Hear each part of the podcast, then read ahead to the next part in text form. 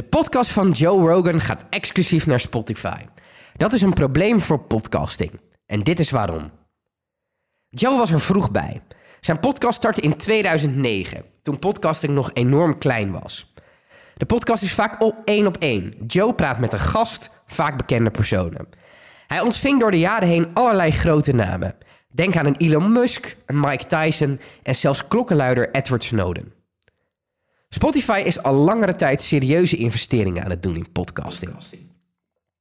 Ze kochten podcastplatforms als Anchor en Gimlet op en halen nu met Joe Rogan een van de populairste podcasts binnen. In de App Stores heet Spotify sinds anderhalf jaar geen Spotify meer, maar Spotify Muziek en Podcasts. En als je in Spotify naar de bibliotheek-tab gaat, zie je dat muziek en podcast daar een even groot aandeel hebben.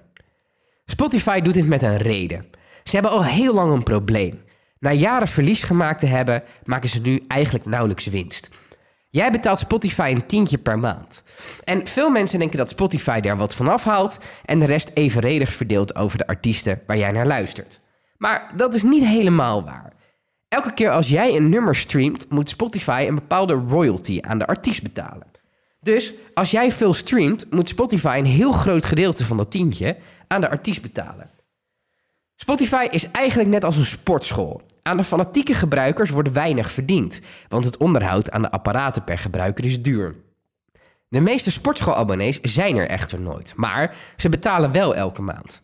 Dat voordeel heeft Spotify niet echt. Bijna ieder abonnee gebruikt de dienst redelijk fanatiek. Enter podcasting.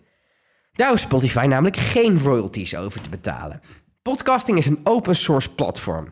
Spotify kan royaltyvrij alle podcasts aanbieden. Als jij dus naar Spotify gaat en een uur een podcast gaat luisteren in plaats van een uur muziek, dan scheelt dat, even een rekensommetje, 20 keer royalties uitbetalen. Want 60 minuten, gemiddeld 3 minuten per track.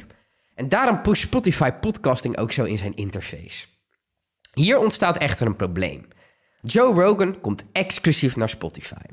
En Spotify zegt zelf dat dit geen probleem is. Immers is de podcast ook beschikbaar voor mensen die geen Spotify Premium hebben. En is luisteren naar de show dus op papier gratis. En daar hebben ze ook gelijk in. En nu is dat nog niet zo'n probleem. Maar dit is natuurlijk pas een eerste stap. Spotify gaat meerdere podcasts opnemen. Waarschijnlijk gaan ze proberen uit elke categorie podcasts, tech, sport, humor, lifestyle, mode, etc. een grote naam binnen te halen zodat iedere podcastluisteraar Spotify moet gebruiken om in ieder geval één van zijn lievelingstitels te beluisteren. Dan gaan mensen Spotify dan maar als hun enige podcast-app gebruiken. En worden podcasts uiteindelijk, net als video door YouTube, gedomineerd. In dit geval door Spotify. Als online videomaker ben je afhankelijk van YouTube. Daar zitten praktisch alle kijkers. En dit betekent dat YouTube voor jou de regels bepaalt. Het algoritme bepaalt ook nog eens wat mensen aanbevolen krijgen. Veel makers klagen dat ze bepaalde content niet maken die ze wel willen maken, omdat ze weten dat YouTube het in hun algoritmes gaat negeren.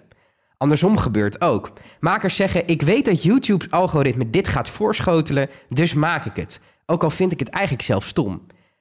Buiten dat zijn er ook vele verhalen van YouTubers die serieus geld hebben geïnvesteerd in een video.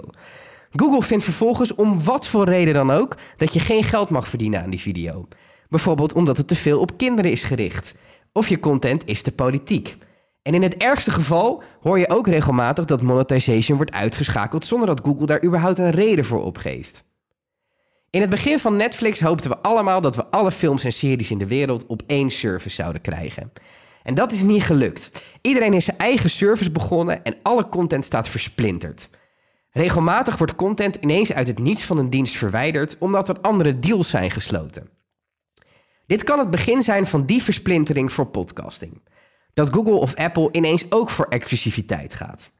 Dan heb je verschillende podcast-apps voor verschillende podcasts. Bepalen de eigenaren van de platforms wat er gebeurt en moet je gaan vechten met algoritmes, net als op YouTube, Facebook en Instagram. Wordt het echt zo? Ik twijfel erover. Podcasting bestaat al zo lang en de techniek is nog steeds relatief hetzelfde. Heel veel grote podcasts verdienen al veel geld zonder de hulp van Spotify. En middelgrote tot kleine podcasts zijn mogelijk niet zo interessant voor de Zweedse streamingdienst. Maar het is wel iets om in de gaten te houden. Podcasting is juist zo sterk omdat het zo persoonlijk, onafhankelijk en toegankelijk is. Mooie verhalen worden gemaakt omdat je geen rekening hoeft te houden met algoritmes. Kijk wat voor content er gemaakt wordt voor Facebook en Instagram. Vaak saai, schreeuwerig of plat. Puur omdat je anders niet door de algoritmes heen komt. Die ontwikkeling zou podcasting geen goed doen. Het, een ander, het een ander medium maken. Maar voor Joe Rogan is het in ieder geval een feestelijke week. Het laat het succes zien dat je met podcasting kan hebben.